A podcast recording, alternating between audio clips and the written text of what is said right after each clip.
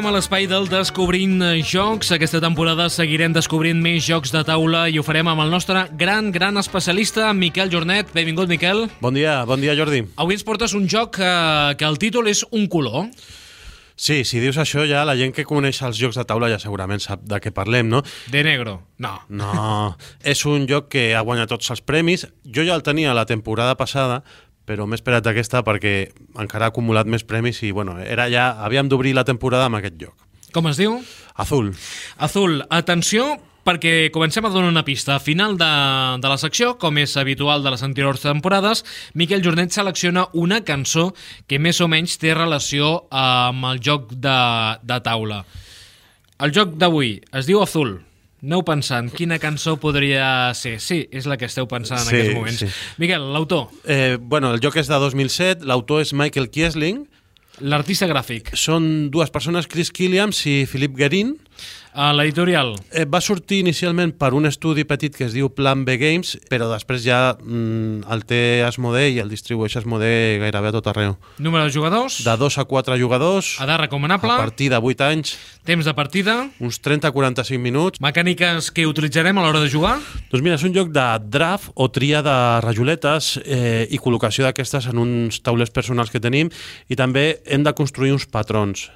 uh, la nota, Doncs ara mateix té un 8, 8.0, és- un notable, i el rànquing general de la Board Game Geek, que és la comunitat en la que sempre ens fixem nosaltres, està al 37 entre tots els jocs barrejats, el número 1 dels abstractes i el número 1 dels jocs familiars. el preu, 39,95. a qui agradarà aquest joc? Doncs mira, agradarà a aquelles persones que es deixen seduir pel component visual i la qualitat de components de cada joc però alhora busquen un joc de disseny fi i amb alta rejugabilitat. Azul és un abstracte, un joc d'aquells abstractes com els escacs o les dames, però amb permís de Patchwork, que també és un altre joc abstracte, és l'abstracte que esdevindrà un cavall de Troia en el panorama del joc familiar d'aquells que entren per quedar-se i per ser al final un, un clàssic modern. No és casual que aquest mm, 2018 s'hagi fet amb premis com l'Espiel des Jar a Alemanya, l'As d'Or a França, l'Origins eh, al millor joc familiar als Estats Units i el Mensa Select. Ojito perquè és, eh, és un gran joc.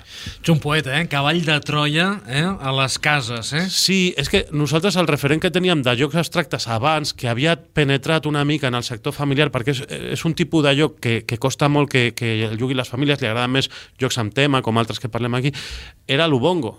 I aquest és l'Ubongo però elevat al, a la 1000 perquè, perquè és un joc molt, molt més potent com a joc. L'havia jugat, eh, a l'Ubongo? Sí. Però jo crec que aquest té més bona pinta. Sí. Patchwork, per cert, joc que ja vas recomanar fa diverses temporades, més que recomanable, eh? Però el, el Patchwork eh, contra aquest té que és només per dos jugadors. Aquest ja el pots jugar amb els fills i tal, i està molt bé. Azul invita a los artistas del azulejo a embellecer las paredes del Palacio Real de Évora. Cuando Manuel I, el afortunado rey de Portugal, visitó el Palacio de la Alhambra, quedó cautivado por la imponente belleza de la decoración, formadas por losetas de cerámica de color azul y blanco de procedencia árabe a las que llamaban azulejos. Aún fascinado por el esplendor del interior de la Alhambra, a su regreso a Portugal ordenó inmediatamente que las paredes de su palacio en Évora fueran decoradas del mismo modo.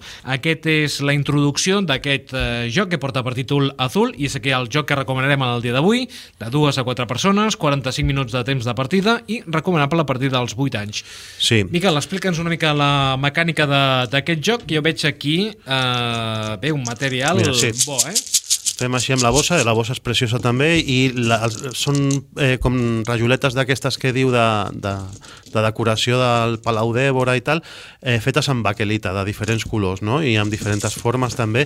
Cada jugador té un tauler eh, personal i després al centre de la taula es posen com una mena de posagots, que són truquels de cartró petitons, en funció del número de jugadors es posen més o menys i eh, s'omplen, el setup inicial, la preparació inicial, s'agafen eh, de, de la bossa sense mirar quatre rajoletes d'aquestes i es van posant en cada, en cada un d'aquests eh, posagots de cartró, però que en realitat el que diu que són són les fàbriques de les rajoletes aquestes a Portugal, no? Aleshores, com es juga? És un joc que per torns cada jugador té l'opció de robar eh, rajoletes d'aquí, de la disposició central de, de fàbriques que hem col·locat de rajoles, i hi ha una norma que tu pots robar totes les que vulguis d'una fàbrica, però sempre has d'agafar totes les d'un mateix color. Per exemple, ara tinc una que, eh, que tenim dues de color groc, una blau fosc i una blau clar, doncs imagina't que jo agafo les dues que són de color groc, les altres dues que em sobren les poso al mig i es va generant també al mig un, com una pila de rajoles que també en un determinat moment un jugador pot robar d'aquí. Eh, això ja comença a tenir una gràcia. Després, amb el que robem, què hem de fer? Pues ho hem de col·locar al nostre tauler en una de les fileres que tenim per eh, construir. Només construirem la rajola del color eh, que hem triat quan s'ompli tota una filera. I tenim la filera de dalt de tot cap només una rajola, la següent dos, tres, quatre i cinc.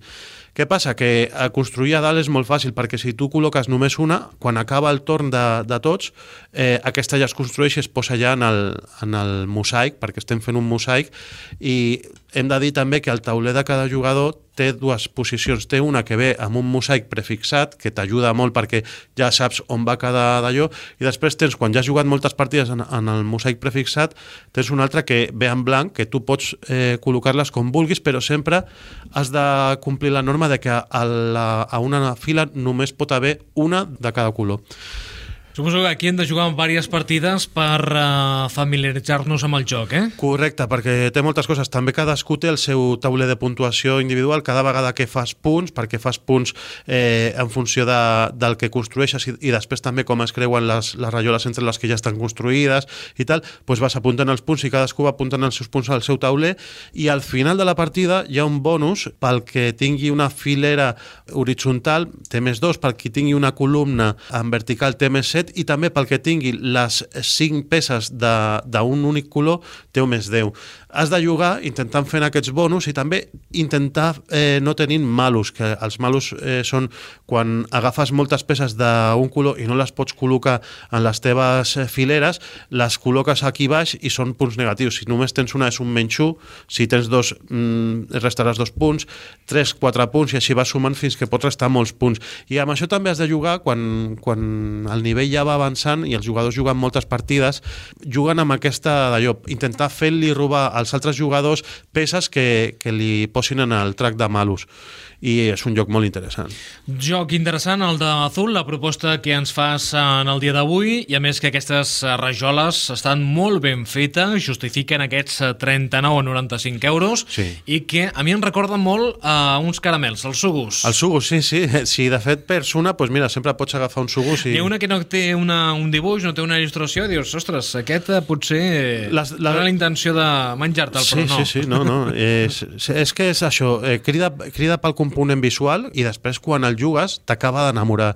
És un joc que, bueno, que ha d'estar a tota l'udoteca, aquest joc. Juguem uh, o juntem ara el nom del joc, Azul, i el que ha acabat de dir ara Miquel Jornet del enamorar per la cançó que tenim preparada per avui, no? Sí, va, vale, anava a dir que també hem dit el Palacio de Évora per sí. despistar, perquè igual podia portar una altra música, però, però no, tu ja ho has dit molt clar.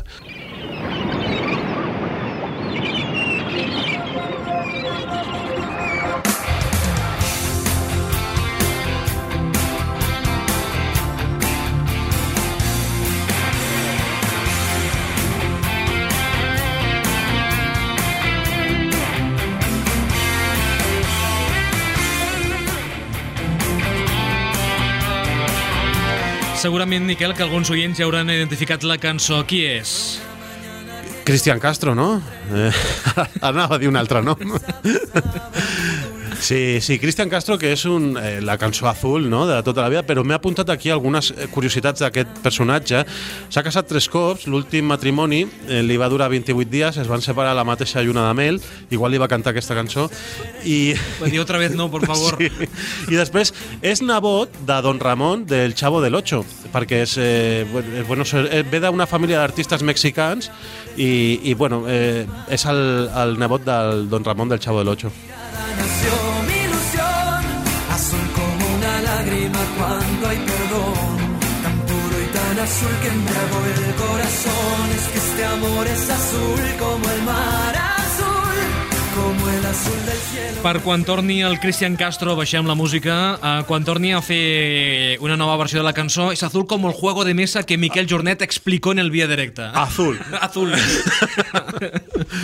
Sí, sí. Dóna joc la cançó. Més recomanable el joc que la cançó. Et diré, calia aquesta cançó? Mm. Jo crec que els seguidors del Cristian Castro hauran dit uh, bé, amb la biografia que té aquest artista, el que ha destacat el Miquel...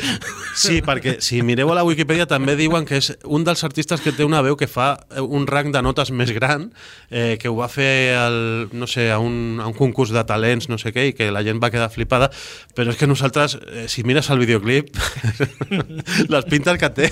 Bé, porta uns anys, això, Sí, eh? sí, sí. Eh, dintre d'uns anys, quan recuperen fotografies nostres aquí a la ràdio, diran, Tot- ostres... Tots quedarem eh, amb evidència, també. O sí. no, o millor, no? Mm, Bueno, cualquier tiempo pasado fue mejor. Bueno, si es veuen pitjor, abans mm, està bé. Mira, Vol dir sí. que estem bé, que ens conservem bé, Sí, no? sí. Bé, anem a d'altres històries. Miquel, com sempre, un plaer que ens hagis acompanyat eh, en aquesta nova temporada del Descobrint Jocs i avui en aquest joc anomenat Azul, amb aquesta música que avui has escollit tan bonica.